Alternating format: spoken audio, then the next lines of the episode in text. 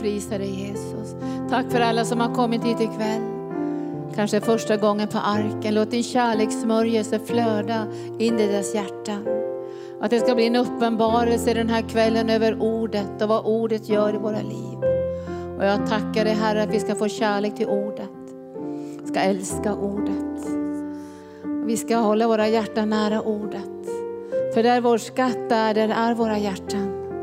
Och våra hjärtan är hos dig Jesus, för du är det levande ordet. Du är Guds ord och ordet blev kött och tog sin boning ibland oss. Och vi såg din härlighet. För lagen kom genom Moses, men nåden och sanningen genom Jesus.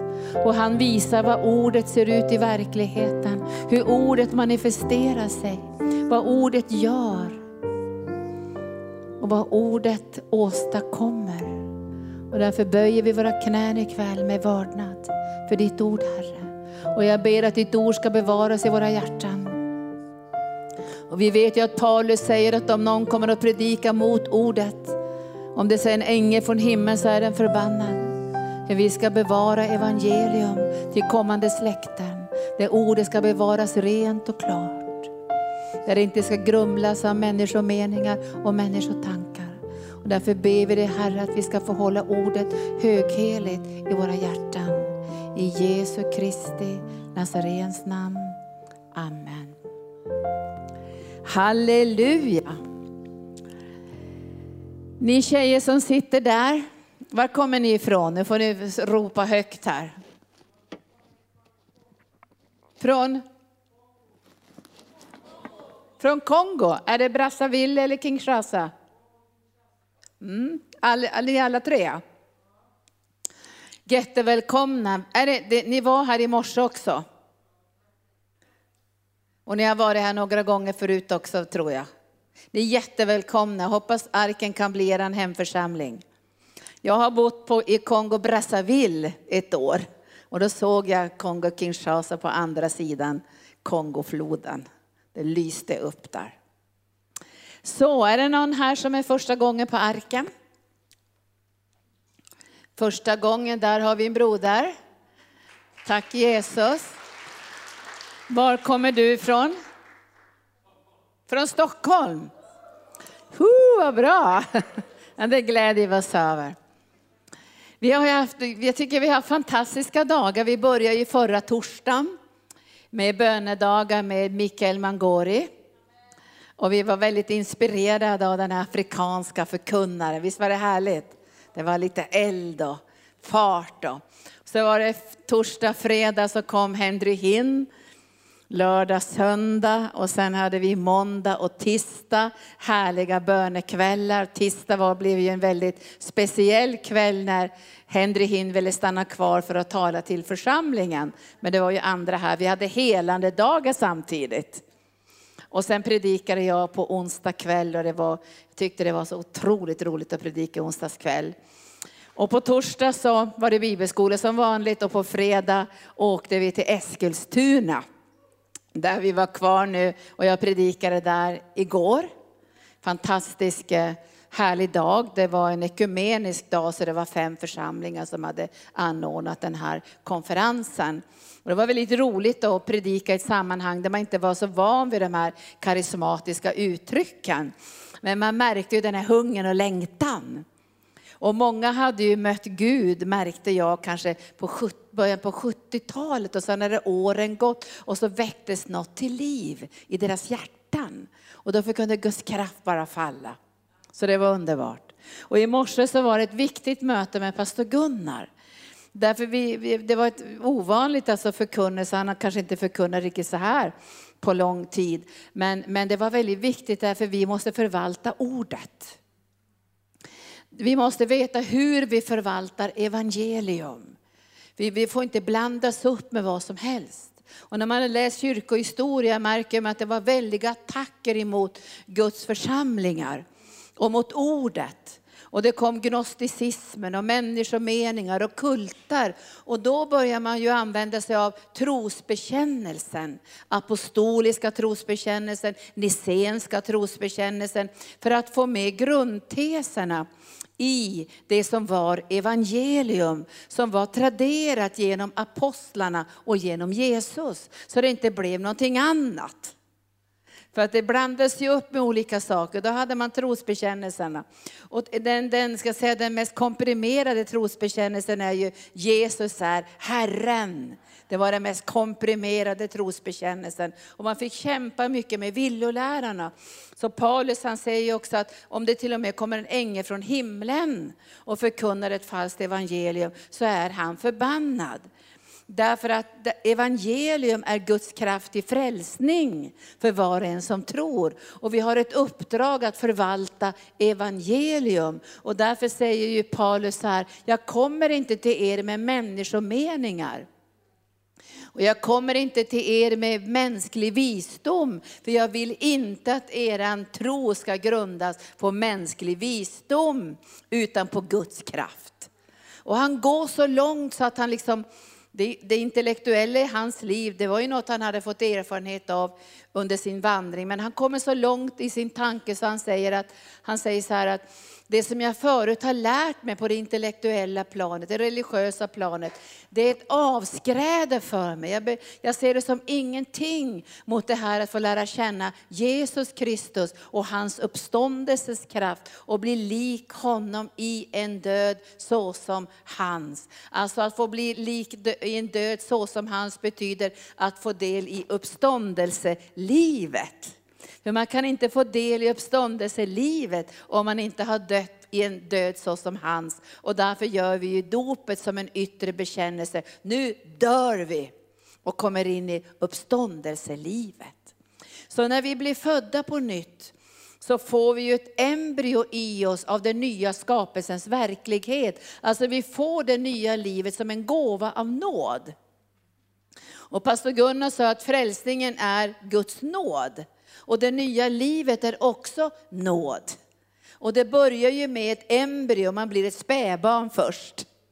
Och så utvecklas det här livet tillsammans med Jesus och man går från en bebis till en tonåring till en vuxen, mogen, ansvarstagande kristen. Och det här är någonting som den heliga ande gör i oss utifrån att det redan är givet. Visst är det härligt? Här? Det är redan givet. Så det nya livet, det ges oss i samma ögonblick som vi blir frälsta. Men vi måste dö en död så som hans för att få del i det nya livet. Och jag sa igår när jag var där i den här kyrkan att det har jag sagt många gånger till er också, att jag bad till dopförrättaren, håll mig länge under vattnet. Så jag får bekänna, jag har dött från det gamla livet och nu vill jag ha det nya livet i uppståndelsekraften. Därför det nya livet är givet mig som en gåva. Och jag önskar att det nya livet ska utvecklas och bli synligt mer och mer i mitt liv. Och ikväll håller vi på att tala om helande. Vi önskar att det nya livet som är helande ska få utrymme i våra liv. Så att sjukdomar och svagheter får vika undan. Och sen ska vi ge utrymme för det nya livet. Och därför behöver vi Guds närvaro, eller hur? Alltså vi behöver ju Guds närvaro. Och det är därför som jag märker att hungern har ökat i arken efter Guds närvaro. Alltså vi vill ha Guds närvaro. Ett har jag begärt av Herren, därefter längtar jag Guds närvaro. Och då måste vi tillsammans, och det gör vi mer och mer, alltså proklamera, vi ger utrymme för Jesus. Först och främst i våra liv och sen i gudstjänsten. Vi nöjer oss inte med någonting religiöst, eller hur? Vi nöjer oss inte med att det bara blir någonting mänskligt. Och, och jag pratade ju med en del ledare häromdagen i det här andra stället som jag var på då. Och så sa jag så här att man kan som predikant eh, vara väldigt beroende av människornas gensvar och det är viktigt. Men man måste vara mest beroende av vad vill Gud göra? Och det här är viktigt också när vi kommer samman, att vi har den här bönen. Vad vill Gud göra? Vad har Gud på sitt hjärta? Vad önskar han göra? Och i onsdag så hann ju inte jag förbereda mig så mycket, för jag hade ju så många saker hela dagen där. Och, och det var, det, det var, då tänkte jag så här, undrar vad jag ska få för predikan. Och jag fick alltså en av mina vackraste predikningar, ni måste lyssna på den i onsdags. Därför den kom direkt från himlen. Det var som att jag hörde en predikan som var så vacker, som var så fin, som var så underbar. Den bara kom ner från himlen och så fick jag den. Och så här önskar jag att vi, vi ska få leva i det här, vad är det som kommer ifrån himlen. Vi är inte intresserade av det som man har kämpat där, och liksom suttit och tragglat någonting. Vi måste ha det som kommer ifrån himlen. Och jag kände att det fanns en sån längtan i våra hjärtan. Vi vill ha det som kommer ifrån himlen. Och, och, det här är en bön som vi har nu väldigt starkt i arken. Vi vill ha det som kommer ifrån himlen. Och, och, vi önskar ju att när predikanterna träder fram ska det åtminstone vara 95 procent som kommer från himlen. Om det är lite kärlsmak, det får vi kanske acceptera till en tid. Men vi önskar att det ska bli mer och mer och mer och mer av det som kommer ifrån himlen. Och det här ska vara en bön och en längtan i våra hjärtan. Allt ska genomsyras av Guds närvaro. Allt ska genomsyras av Guds närvaro. Så jag tycker det har varit fantastisk vecka och nu går vi vidare och så får vi de här, den här systern som kommer ifrån Catch the Fire som kommer också till helgen. Och sen har vi många saker. Och jag önskar att ni alla ska komma på den här diplomutdelningen i Frälsningsarmén. För jag känner att när jag fick det här priset då, evangelistpriset i Roger Larssons evangelistfond, så är det jag och Sebastian Staxet och så är det en annan kille. Så det är tre olika grupper som får det här priset. Så kände jag att jag vill inte ta emot något pris för mig själv, utan det är för oss alla som tjänar tillsammans. För jag tror på tillsammans. Det är det som vi gör tillsammans i vårt gensvar till Gud. Och därför vill jag att vi ska interagera. Det är därför jag, jag är inte så där jätteöppen för, för mörklagda kyrkor. Nu vet jag ju att man har olika åsikter om det, men jag vill att det ska bli en interaktion, för vi är inte på bio. Utan vi är tillsammans och sammanstrålar med den heliga Ande. Och därför så måste jag se, vad händer i era liv? Vad händer i era liv? Alltså jag kan ju se anden att nu är Guds ande över någon. kommer ett ljus över någon.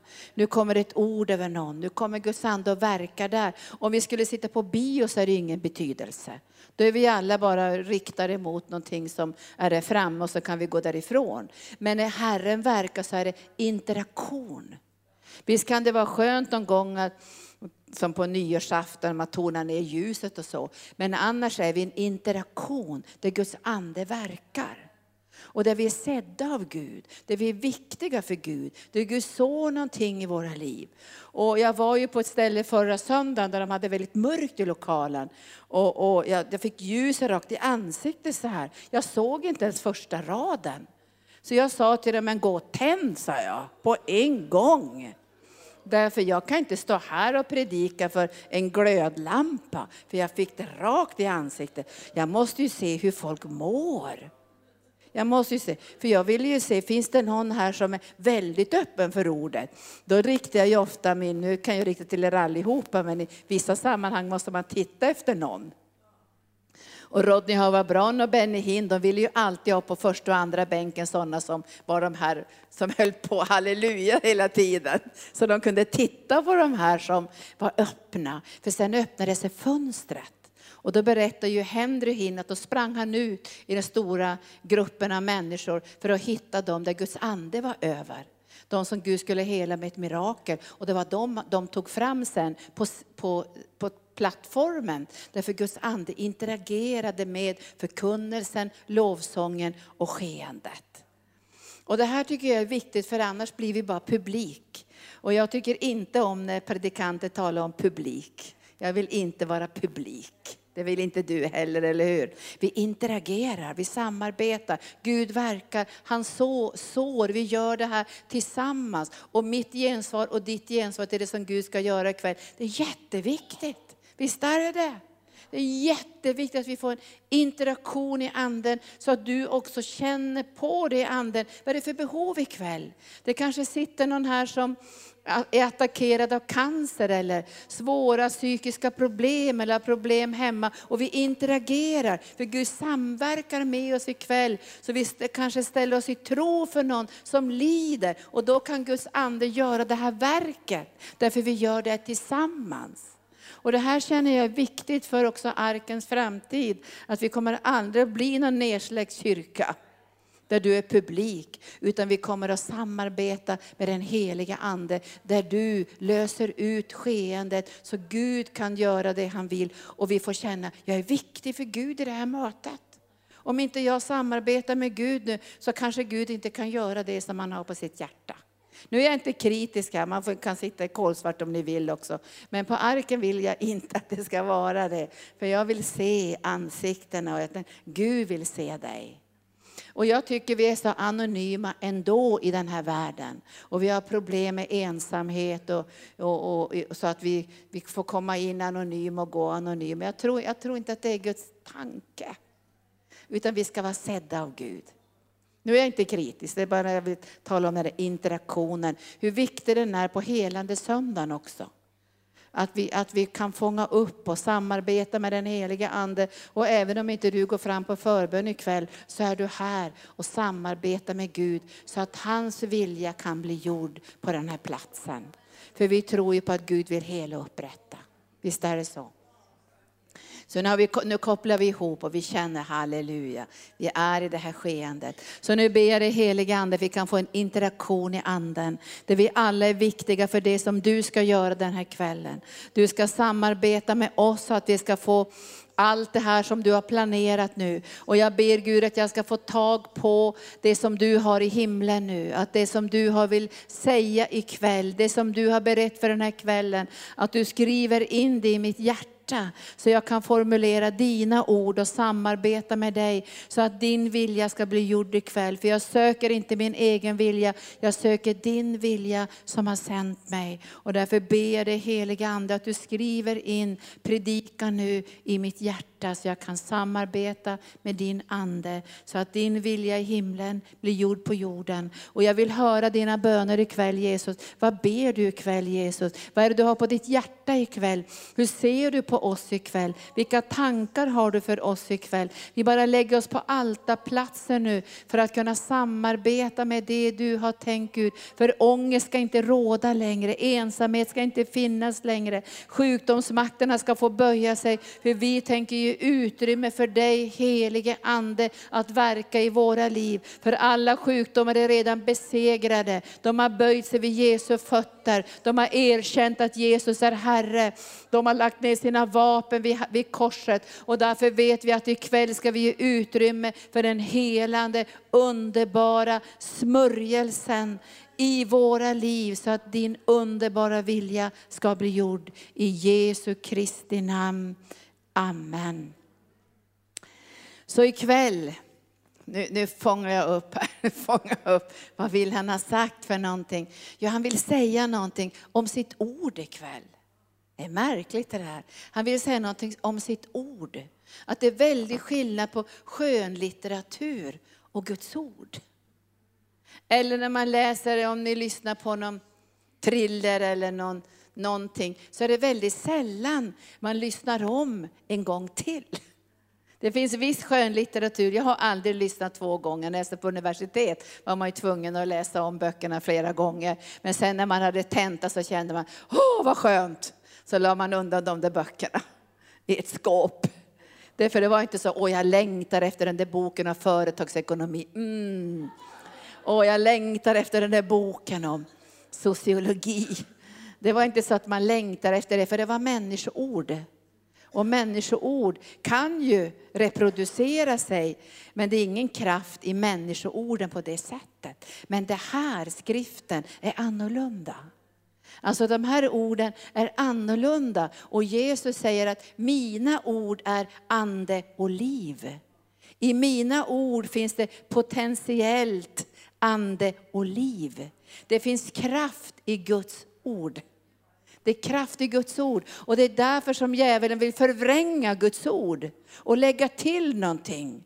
Och, och när du läser Uppenbarelseboken så står det ju att om du lägger till någonting eller drar ifrån någonting, då vill du inte vara med vid den domen. Och det är därför det är så viktigt för oss att förvalta Guds ordet. Nu, nu kan vi ju inte allt och vi är i lärjungaskap hela tiden. Men det som Gud uppenbar och det vi förstår, det vill vi förvalta. Vi har en längtan i våra hjärtan. Vi vill förvalta Guds ord. För Jesus säger, himmel och jord ska förgås, men mina ord ska bestå. För i mina ord finns ande och liv, ande och liv. Och när, när kvinnorna, nu fick jag bara upp det där i Lukas evangelium bara, Egentligen är inte det jag ska predika, men, men hur människorna hänvisar till det naturliga. Och så säger de i Lukas 11 och 27, en kvinna ropade i folkskaran, saligt är det moderliv som har burit dig och de bröst som du har diat. Därför att den högsta önskan hos kvinnor på den tiden var att få föda en profet. Det var deras högsta önskan att få bära en, ut en profet från sitt moderliv och, och ge mjölken till en profet. Som han sa, saligt är det moderliv som har burit dig och saligt är de bröst som du har diat. Och då svarar Jesus, säg hellre, säg hellre, säg hellre, säg hellre. Saliga är det som lyssnar till Guds ord och bevarar det. Säg istället, saliga är de som lyssnar till Guds ord och bevarar det lyssnar och bevarar, lyssnar och bevarar. För det går inte bara att lyssna, det måste bevaras för att Guds ande ska kunna verka och producera tro. Och när det produceras tro så ges det utrymme för Guds ande att verka i våra liv så att det som finns i ordet kommer oss till del. Jag, jag, jag tyckte det var så intressant, jag satt och studerade lite grann om, om sådd, alltså hur, hur skörd kan ges. Om man skulle så ett sädeskorn i dålig jord så kommer det kanske upp två sädeskorn av det här sädeskornet. Men Guds ord har potential i sig. Alltså det finns, jag tror inte det finns några frön som har sån potential i sig som Guds ord. Jag tror vi satt och räknade frön en gång här när Torbjörn Höst Larsson skulle visa hur många frön det fanns i ett ax som man hade fått upp. Man har sått ett frö och så kom det upp ett ax. Jag tror att han räknade till 40 eller 60. Alltså det var rätt mycket. Men i, i tider förra året i Sverige var det dålig skörd på grund av att det var torka och det var brist på vatten. Kanske gödslade man, men det var brist på vatten. Så man sa, det var en dålig skörd. Och vi ska se på det här ikväll att det finns potential i Guds ord. Det finns kraft i Guds ord. Och vi ska börja titta på Ordspråksboken kapitel 4. Där Herren talar om kraften i ordet. Att när ordet kommer in i våra hjärtan så producerar det det som finns i ordet. Och därför måste man ha många olika ord. Och ikväll så talar vi om ord om hälsa. Det finns ord om hälsa. Det finns ord som har i sig läkedom. Och nu tror jag att nästan allt Guds ord har med sig läkedom. Men det finns speciella ord och löften som bär på läkedomen in i våra liv.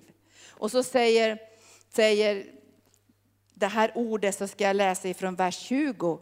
Min son, ta vara på vad jag säger. Vänd ditt öra till mina ord. Vänd ditt öra till mina ord. Låt dem inte vika från din blick. Låt dem inte vika från din blick. Och i morse när jag bara satt och, jag satt och bläddrade lite grann, för Mia höll ju ett kollekttal, så kom jag på det här med Elia. Och så står det att Elia hörde bruset av regn. Det står, plötsligt hörde Elia bruset av regn. Han hörde någonting i anden som ännu inte hade blivit manifesterat. Böj ditt öra till mitt ord så kommer du att höra någonting som ännu inte har blivit manifesterat. Om det du hör läggs i ditt hjärta så kommer du få se det som ordet lovar. Och det står ju då att Elia han sa till sin tjänare, gå upp på höjden och skåda om regnet kommer. Och den här tjänaren gick upp på berget och så tittade han och så kom han ner till Elia och sa, nej, nej, nej, det är helt blått på himlen, finns inte ett enda moln. Men jag hör ljudet av regn, säger Elia, upp igen. Och tjänaren får gå upp igen och titta och så kommer han ner och säger, det finns inget tillstymmelse av moln, gå upp igen. Och han får gå upp igen sju gånger. Sju gånger får han gå upp och så får han titta efter det här som Elia hör. Jag hör bruset av regn. Och så kommer tjänaren ner och säger, jag ser ett litet moln som en manshand stor. Och då säger Elia, spring nu, för nu kommer det. Och många gånger är det så här därför att det finns en potential i det som Guds ord säger. Och när du och jag börjar lyssna och vända vårt öra och vår blick till Guds ord och bevara orden i vårt hjärtas djup. Vårt hjärta är en åker. Vårt hjärta är Guds åker. Och det är därför som Bibeln säger, framför allt som ska bevaras, så är det hjärtat. Nu säger han så här, men allt, men så säger han, låt dem inte vika från din blick, bevara dem i ditt hjärtas djup, för de är liv för den som finner dem. Det är liv för dem som finner dem. Och så säger han, och läkedom för hela hans kropp. Alltså här är hela hans kropp, inte bara lite grann. När jag var på hotellet igår, eller på, på, på se, lördag natt, jättelitet hotellrum var det. Och jag vaknade på natten och skulle gå upp och sen slog jag till foten. Så kraftfullt alltså. Foten blev väldigt blå, ni vet när man slår i tån. Och att foten var blå. Och så kände jag hur smärtan i foten gick ända upp i huvudet. Och med, alltså, den, det var så fruktansvärd smärta. Jag tänkte, men hur kan det ta så ont att slå i tån? Va? Så man tänker, hur i all världen kan det ta så? Har ni fått slagit tår någon gång? Man tänkte, då tänker man ju så här på Kristi kropp. Att om, om, om den minsta leden lider så går det upp i huvudet. Då hela kroppen lider. Men då tänker man, hela kroppen, det måste ju betyda lilltån också. Så när jag kom här i morse och försökte halta mig in i kyrkan, då kommer, då kommer vi att lätta. Nej, här ska det bedjas. Och hon la handen ut på min fot där utanför, utanför kyrkdörren och vi, halleluja, här ska vi ta emot läkedom i namnet Jesus. Hela din kropp, hela din kropp. Det är starkt där, är det inte det? Hela din kropp. Och då måste det betyda också hela din själ. Men vi har ett ansvar när det gäller ordet. Därför att det är Guds ord som ger kraft. Ibland kan man höra kanske en läkare säga, ja men det här, det här kommer att bli väldigt svårt, det kommer att ta minst fem år. De orden måste du ta och lägga under Jesu fötter. Det kanske säger, det här behövs en långvarig medicinering. Det är inte så att vi förnekar de ord som kommer genom vetenskapen, men de orden är människornas ord och de måste läggas under Guds ord. För det är du och jag som bestämmer vilken, vilken kraft vi vill ska påverka våra liv. Visst är det så? Det är inte så att vi förnekar, så vi säger, nej men jag har inte den här sjukdomen, det är inte det. Utan det är väldigt kraft i ord. Och därför när vi har helande dagar här eller går på bibelskola så bryter vi kraft i ord. Därför att ord kan påverka människors hela framtid. Vi möter ju ungdomar som har hört att när de var unga att de, de var fula eller misslyckade och mobbade fast de egentligen var jättevackra, intelligenta. Men det har liksom styrt hela deras liv därför det finns kraft i orden. Och det var en predikant som sa en gång så här, att om du har hört ett, ett negativt ord som har påverkat dig djupt så måste du ha minst sju gånger positiva ord för att det här negativa ordets kraft ska upphöra. Men det är kraft i Guds ord. Men det är också kraft, negativ kraft i djävulens ord, eller i människors ord. Och det behöver inte vara djävulens ord, det kan vara människors ord av begränsningar, eller negativa tankar, eller påverkan. Och det måste vi känna igen, så vi kan lägga det under Jesu fötter och ge utrymme för Guds ord. Halleluja! Guds ord. Vi ska ge utrymme för Guds ord. Och de här andra orden lägger vi åt sidan och så ger vi utrymme för Guds ord. För det finns kraft i orden. Vet ni att sjukdomar kan tala väldigt högt?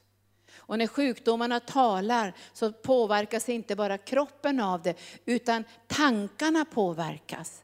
Känslorna påverkas. En av mina vänner som är läkare, som var här, han är, tror att han är hemma hos Herren nu, men han, var mycket, han predikar ganska mycket på gamla arken. Han berättade en gång för mig så här att det var en ung kille som var ganska bodybuilding och var liksom, såg väldigt hälsosam ut. Men han hade kommit för att han hade känt någonting i sin kropp. Och så berättade den här läkaren för mig att han var tvungen att ge den här beskedet då att han hade fått en, en cancersjukdom. Och så berättar han så här, inför hans ögon, när han berättade för den här unga grabben att han hade fått det här svaren på proverna, så såg han inför hans ögon förändrades den här unga killen i ett enda ögonblick på grund av det här beskedet. Och då måste du och jag veta att ord har styrka. Och när man får ett besked av något slag som går emot Guds ordet så måste man omedelbart bestämma sig för att lägga det under Jesu fötter och ge utrymme. Vad säger Guds ord? Vad säger Guds ord? Vad säger Guds ord? Vad säger Guds ord?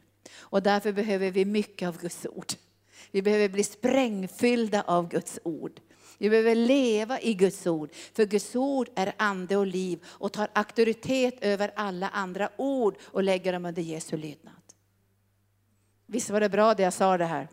Det är kraft i de här orden. Och även om djävulens ord, eller naturliga ord eller vetenskapliga ord är starka, så är de inte starkare än Guds ord. De måste böja sig om vi tillåter, eller vi säger alla ord som reser sig upp mot Kristus, vad måste de göra? De måste böja sig, men först måste vi ta dem till fånga. Det står i andra Korinthierbrevet att vi ska ta dem till fånga. Och för att kunna ta dem till fånga så måste vi känna igen att de här orden gör anspråk på våra liv. Och alla ord gör anspråk på våra liv. Men vi ska göra ett beslut ikväll att det är Guds ord som ska få den största utrymmet i ditt och mitt liv. Det är Guds ord. Och så säger Herren så här, att det ska ge läkedom för hela hans kropp. Mer än allt som ska bevaras, bevara ditt hjärta. Ty därifrån utgår livet. Det finns en åkerfält i våra hjärtan Därifrån utgår livet. Och det här tror jag förstod den här hövismannen. Jag ska inte säga så mycket om honom, men han, när han möter Jesus säger han, säg bara ett enda ord. Ett enda ord, så blir min tjänare frisk. Han visste att Jesus svamlar inte. Han pratar inte bara saker, utan han höll sig till ordet. Och därför säger hövismannen, säg ett enda ord så blir min tjänare frisk. Alltså han hade bevarat Gudsordet så Jesus i sitt hjärta att det var komprimerad kraft. Och vi hörde ju kväll när Eja sa Jesus hade kraft att bota. Det finns kraft i ordet, därför bär vi ordet. Och då ska vi ta en nu predikan som vi ska ha, Matteus 13. Jesus är såningsmannen. Och han sår hela tiden. Därför han använder sitt folk för att så. Vi är ute och evangeliserar, vi sår hela tiden. Och, men nu har det blivit kanske så bland många att vi sår inte längre. Alltså vi, det finns inte så mycket såningsmän ute. Men vi vill ju vara såningsmän och Jesus är såningsmannen igenom dig och mig. Och så står det så här, han säger i 13, kapitel 13. En såningsman gick ut för att så. Och när han sådde föll en del på vägen och fåglarna kom och åt upp det. En del föll på stenig mark där det inte hade så mycket mylla. Och det kom, och det kom upp snabbt men eftersom det hade, inte hade så djup jord. Men när solen steg upp sveddes det och eftersom det saknade rot så vissnade det bort. En del föll bland tistlar och tistlarna sköt upp och kvävde det. Men en del föll i god jord och gav skörd. Hundrafalt, sextiofalt och trettiofalt. Hör du som har öron. Hör du som har öron. Han börjar med hundrafalt. Alltså han önskar att det ska bli, det ska alltså hundrafalt där övernaturligt. Jag vet inte om det finns något sädeskorn i det naturliga som kan bära hundrafalt. Det, det tror inte jag att det knappt finns om inte det är genmanipulerat eller någonting. Men Guds ord säger han, jag vill att det ska bära hundrafalt. Det ska, som det står, det ska vara övernaturlig rik skörd. Det är Guds tanke. Alltså han önskar övernaturligt rik skörd av ordet. Och därför är jag övertygad efter alla dessa år, Gud vill hela övernaturligt i ett överflöd. Och ibland kan man känna så här när man säger att ja, det är så många, många kristna som är sjuka. Men alla människor kan bli sjuka. Men jag tror att Guds folk måste först ta emot helande. För vi måste få den här skörden i överflöd. Eller hur? Alltså vi måste få den övernaturliga skörden av helande. För vi ska ju vara en kanal i den här sargade världen. Och det blir värre och värre. Det blir värre och värre. Ibland tänker man, hur, mycket, hur många sjukdomar uppfinner djävulen? Hur många virus har kommit han på? Alltså det, det, är ett överflöd av sjukdomar. Men Jesus börjar här hundrafaldigt. En övernaturlig skörd av helande. Det är Guds vilja i ett överflöd. Och man tänker ibland, kan vi få ett överflöd av helande? Jag tror det. Alltså vi kan få mer än vi behöver. Alltså du kan få mera kraft än du behöver. Behöver jag så här mycket kraft? Jag behöver väl inte så här mycket kraft. Men det behöver du väl visst för du ska, ska tjäna dygnet runt. Du kanske ska inte få någon vilopaus. Du bara ska flöda på. Därför behöver du ett överflöd i ditt liv. Överflöd av kraft. säger hundrafaldigt. Alltså det här är övernaturligt. Från en enda korn så blir det övernaturlig skörd. Det är Guds önskan. Och då säger han så här, men det räcker med ett ord. Och så säger han till och med så här, att om du har ett senapskorn, jag fick av de här judiska messianska ledarna en liten glasburk med senapskorn, jättesmå. Men, men om vi har bara ett senapskorn så vet vi att i det här senapskornet finns det liv. Det är inte ett dött korn. Jag kan inte ta, om jag går och tänker jag ska ta ett sandkorn och tro på det, det blir ingenting. Men ett senapskorn, där Gud har satt in sin kraft, så kan det vara pytt, pyttelitet, men det finns en potential i det. Halleluja! Ett enda senapskorn har potential så det växer upp och blir större än alla andra träd. Så att det, i Guds ord finns det potential till ett överflöd. Guds ord. Det är därför vi vakar över Guds ord. Och vi vill inte blanda in människomeningen. Därför lägger vi undan, men det är inte så att vi är emot utbildningar och sånt. Men vi, vi måste veta vad är Guds ord och vad är vetenskap. Vad är människomeningarna? För tänk bara utvecklingen i elektronik på 15-20 år. Vet att här på arken gick vi och bar på telefonen en jätteväskor. Kommer ni ihåg det? Alltså var så här tunga väskor. Och sen kom tegelstenar, de hade vi också. Så vi har gått genom alla faser här. Vi har suttit och skrivit skrivmaskin.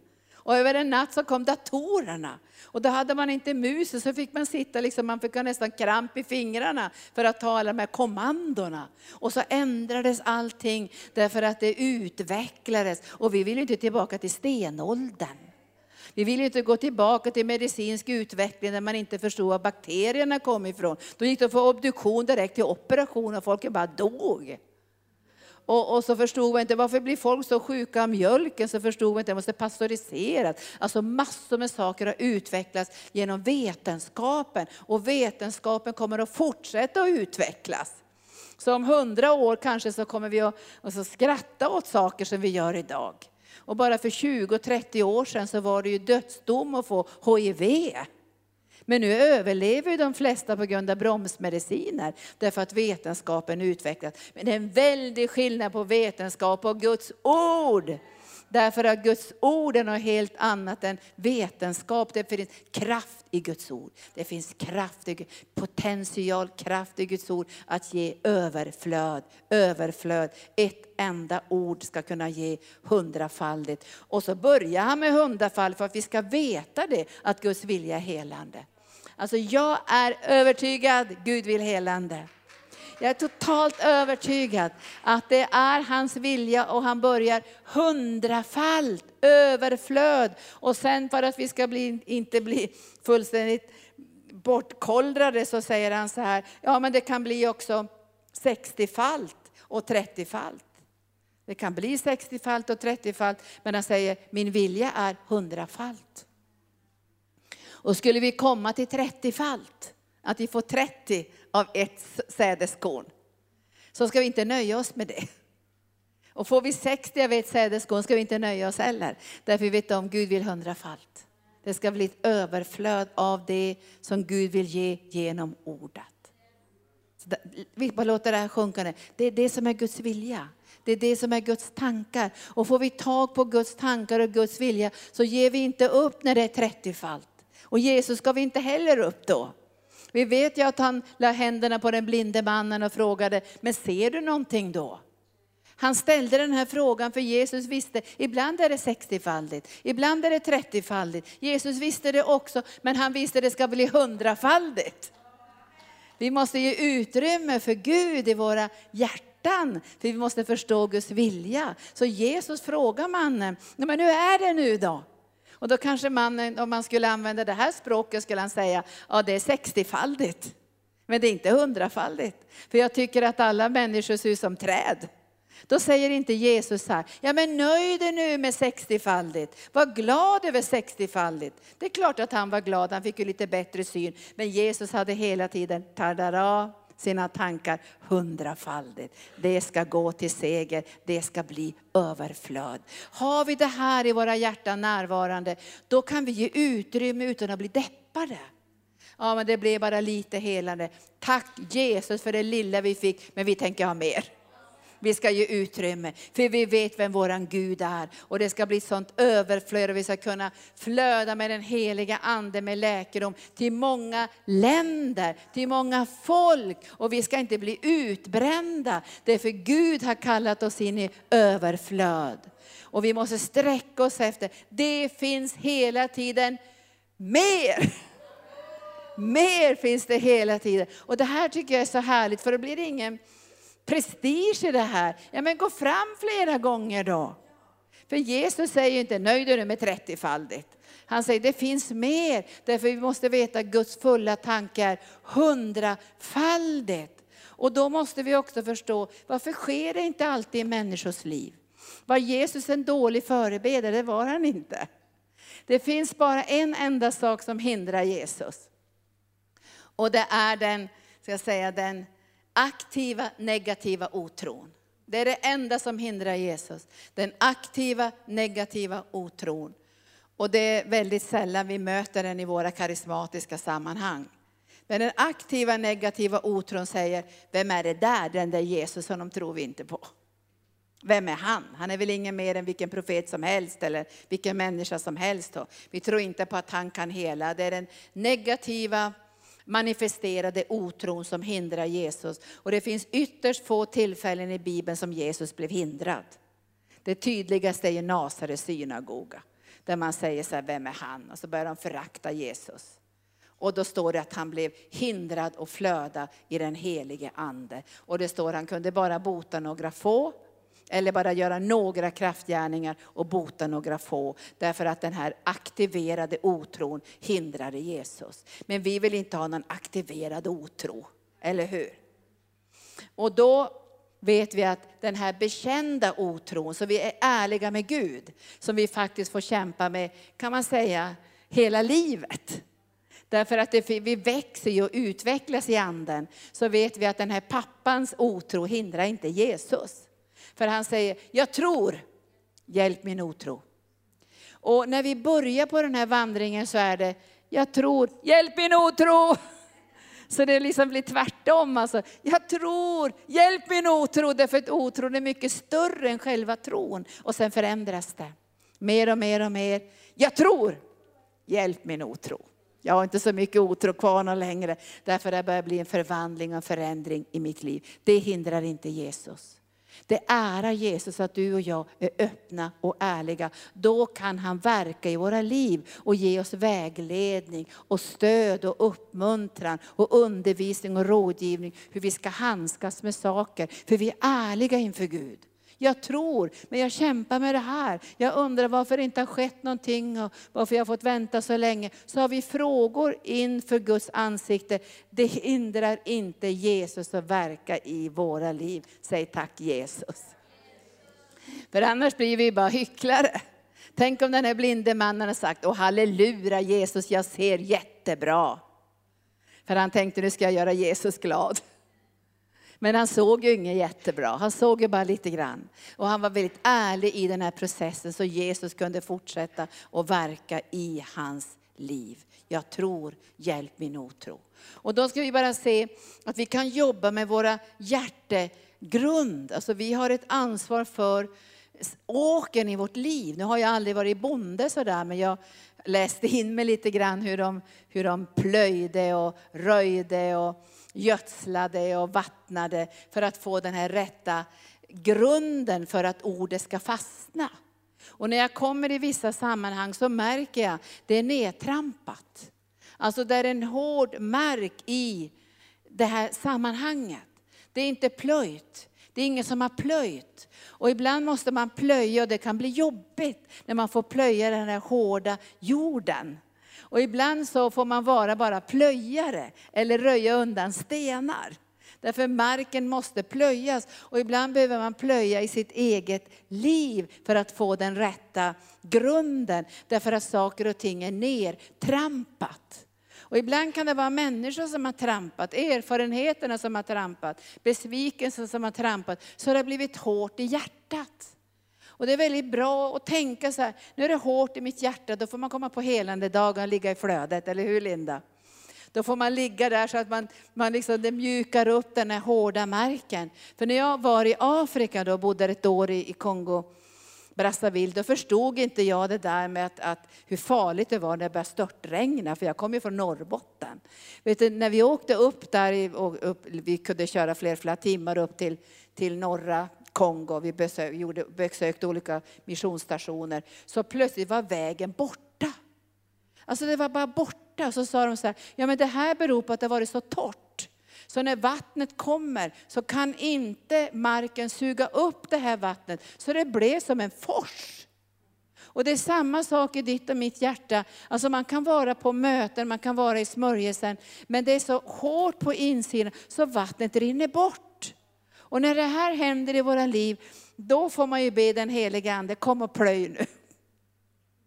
Plöj nu i mitt hjärta, så det, så det plöjs upp så vattnet kan sugas in i mitt hjärta och bevaras på insidan. Och då får man ju bara vara ärlig och tänka så här att ja, det här har blivit så nedtrampat så nu behöver jag ligga i flödet och mjuka upp det där så att den helige Ande får plöja lite grann i mitt hjärta och bereda marken.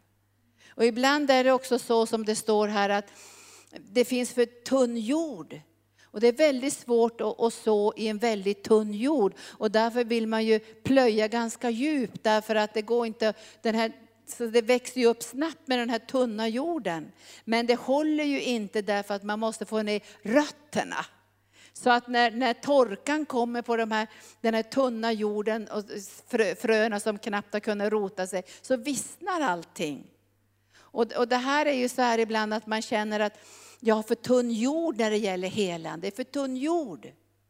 Det, det, det, har inte rotat i mig. Och då behöver man ju ta tid att, att, att riktigt fördjupa sig också i Guds ord. Så att man får en fördjupad uppenbarelse om Guds ord. Så det hinner rota sig. Och det är därför vi säger till alla konfidenter att när du har tagit emot förbön på arken, då ska du vara bland människor som stödjer dig i ditt helande. Eller hur? Så att det inte rycks upp på en gång. Vi hade en flicka här som, vi hade Kristoffer Alam här för många år sedan och en flicka fick tillbaka sin syn på båda ögonen. Men hon kom hem till sin pappa som blev så fruktansvärt arg på henne att hon hade varit i ett karismatiskt möte. Det kan hända att hon var någon annan religion. Så han skällde ut henne så det ena ögat blev blint i ett ögonblick. Och hon kom tillbaka men vi fick inte tillbaka synen på det ögat. Men i alla fall ett öga fungerade.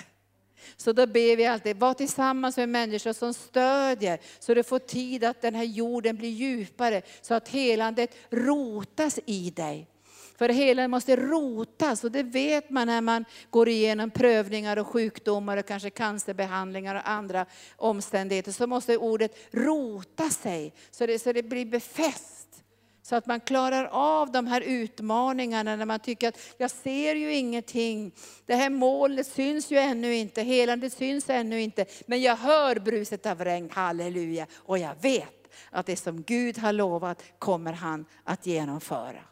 Och sen har vi det här tredje eh, jordmånen som han talar om med tistlar och törnar. Och sen förklarar han det, vad det är för någonting.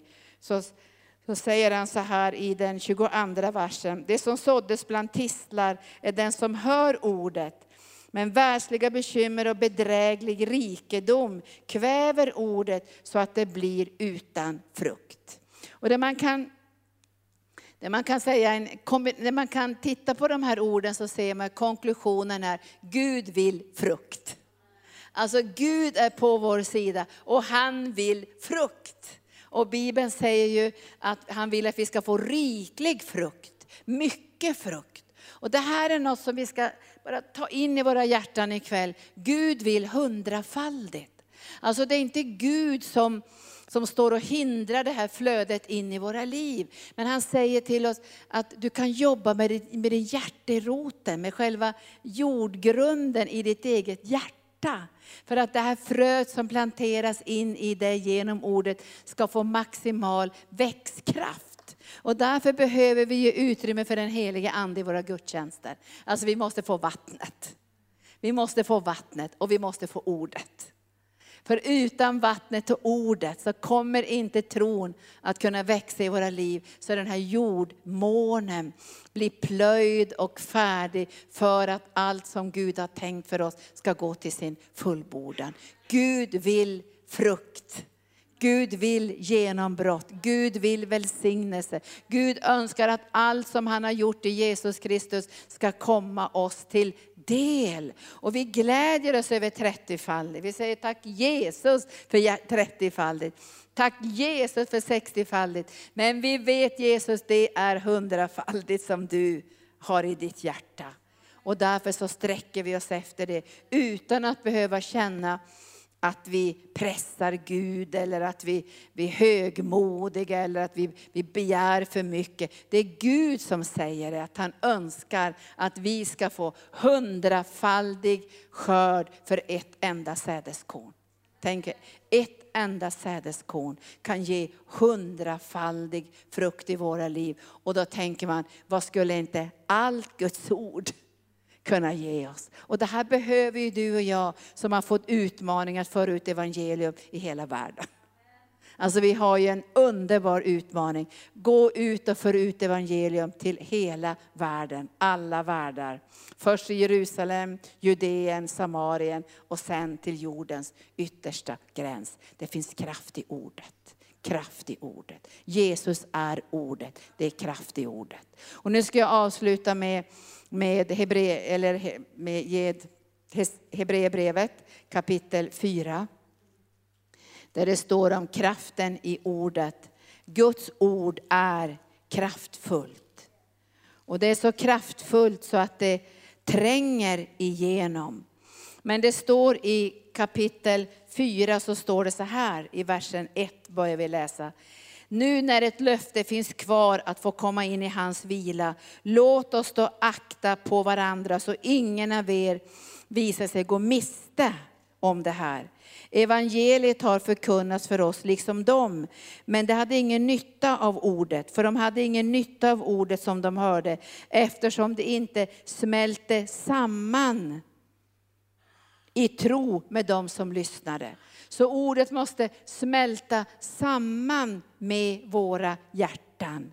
Det måste smälta samman i tro. Så att det får bli en verklighet och därför måste det ligga kvar i jorden. Om man går och gräver upp det hela tiden så tror inte jag det blir något bra. Jag fick ju en tomatplanta av, eller Gunnar fick en tomatplanta när han fyllde år i början av juni av en av våra medarbetare. Och då stod den i krukan där och vi brydde oss inte om att plantera den. Och efter ett tag, det måste vi plantera den. Men vi planterade den för sent. Så den bar inte frukt. Så att det blev ingen frukt av den där plantan. Men jag tror att Gud han vill att när, när, ordet börjar planteras in i oss så måste vi ge det tid också att få växa. Så att det kan utvecklas. Och då behöver det ju solen, ljuset, Guds härlighet, vattnet, fortsatt beröring genom den heliga Ande. För att det här som Gud har planterat in i våra liv ska få växa och utvecklas. Så ordet verkar i dig. Ordet verkar i dig. Och då säger han så här, för han vill att ordet ska smälta samman med oss. Och så står det i tolfte versen, Guds ord är levande. Det är inget dött ord som man planterar, det är levande. Man blir gripen av hur det kan bli bara e-, för ett enda frö. Kan det bli så mycket. Och då tänker man, om det finns i det naturliga det här, vad ska det inte då vara i Guds ord?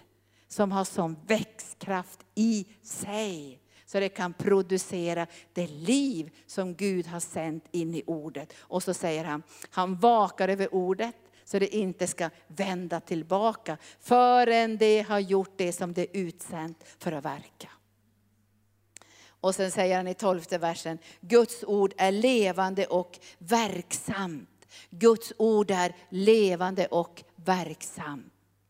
Och bara jag skulle säga ett ord ikväll så här, som Petrus säger, i hans sår har ni fått läkedom. I hans sår har ni fått läkedom. Det är ett ord som Gud sänder. I hans sår har ni fått läkedom. När de orden tränger in i våra hjärtan så blir de levande i oss. Och när de blir levande i oss så kommer de i oss att verka så att sjukdomen måste släppa taget.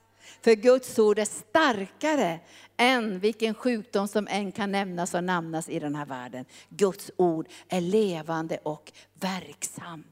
Och det verkar när du sover, det verkar när du går, det verkar när du arbetar. Det verkar hela tiden om du har låtit Guds ord sås in i ditt hjärta. Och du vänder ditt öra till Guds ord och inte låter omständigheterna ta över. Utan du tar till fånga de ord som reser sig upp mot kunskapen om Gud och lägger dem under Jesu fötter. Bara lägger under Jesu fötter och ger utrymme för ordet. Och det här kan kännas ibland som en kamp där man får säga, jag tror, hjälp min otro. Men efter ett tag så förändras det. Jag tror. Vad är det som händer i mitt hjärta? Ordet har fått utrymme.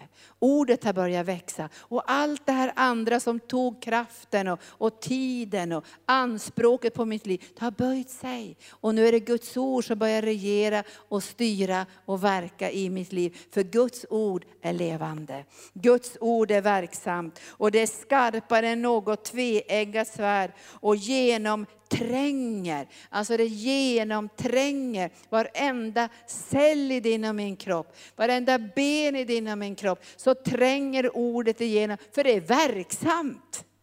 Vad, vad, vad, ska ordet göra i ditt liv? Det står ju så här i Bibeln att Jesus har kommit för att göra om intet djävulens gärningar. Och Jesus är ordet och så verkar han verkar han med sitt ord. Och så står det så här, han tränger igenom och skiljer själ och ande. Alltså han skiljer det som kommer ifrån andens värld och det som kommer ifrån själen. Och när ordet tränger igenom så, så, så tänker vi, men det där kommer inte från Gud, det kommer ifrån det mänskliga, från vetenskapen. Det här kommer ifrån människotankarna, det här kommer från en annan källa än Guds ord och det måste böja sig. Det måste böja sig, för Guds ord tränger igenom, så skiljer det själ och ande åt, och märg och ben. Så det står att till och med Guds ord tränger in i märgen. Och jag frågade en läkare, är det svårt att se skillnaden på när märg går över till ben? Jag har för mig att den här läkaren sa att det är svårt att se själva övergången när märg går över till ben. Men Guds ord tränger igenom. Märg och ben, märg och ben. Och blir en domare över hjärtats uppsåt och tankar. Och tack gode Gud för det. För när ordet börjar verka i ditt och mitt liv, då kan vi döma alla andra ord. Vi kan döma tankar som inte kommer ifrån Gud och säga nej, det tar vi inte emot. För Gud vill överflöd av helande. Han vill hundrafaldig frukt av sitt ord. Han vill överflöda i den helande smörjelsen i ditt och mitt liv. Så vi ska ha över nog mera än nog för att orka be för andra, betjäna människor, flöda i den heliga Ande. Därför kan vi inte nöja oss med 30-faldigt. Jag skulle tänka mig så här, 30-faldigt är väl kanske för mig själv. Då har jag fått vad jag behöver. 60-faldigt är väl lite grann att församlingen också får det församlingen behöver. Men du och jag har ju ett annat uppdrag. Vi måste träda fram på ett sådant sätt att det ska räcka för människor som är utanför församlingen, som finns i världen, på gatorna, överallt. Finns de människor som hungrar efter Guds helande smörjelse. Tack Jesus. Så nu lovsångare. Så nu ska vi tacka Herren för det underbara ordet av helande. Ska vi se det här ordet, sakeidia, prenosoria kastabeidia, kolosontaidia, esokiria. Vi tackar dig Jesus för ordet, det levande ordet. Tack Jesus för att du blev kött, för du är det levande ordet. Ordet fanns hos Fadern och ordet blev kött och tog sin boning ibland oss. Och vi såg hans härlighet. Vi såg manifestationen av ordet. Och alla som mötte Jesus blev helade. Alla som mötte Jesus blev förvandlade. Därför att i ordet finns det sån kraft. Och jag ber Herre att ikväll, när vi ber för människor som har behov av olika slag, så har vi våran blick riktad på dig Jesus. Och vi vet att du nöjer inte med 30, du nöjer inte med 60, utan du Herre vill alltid ha ett överflöd av ditt helande in i våra liv. Så vi välkomnar dig, helige Ande. Kom helige Ande, kom helige Ande, kom helige Ande, kom helige Ande, kom helige Ande, kom helige Ande.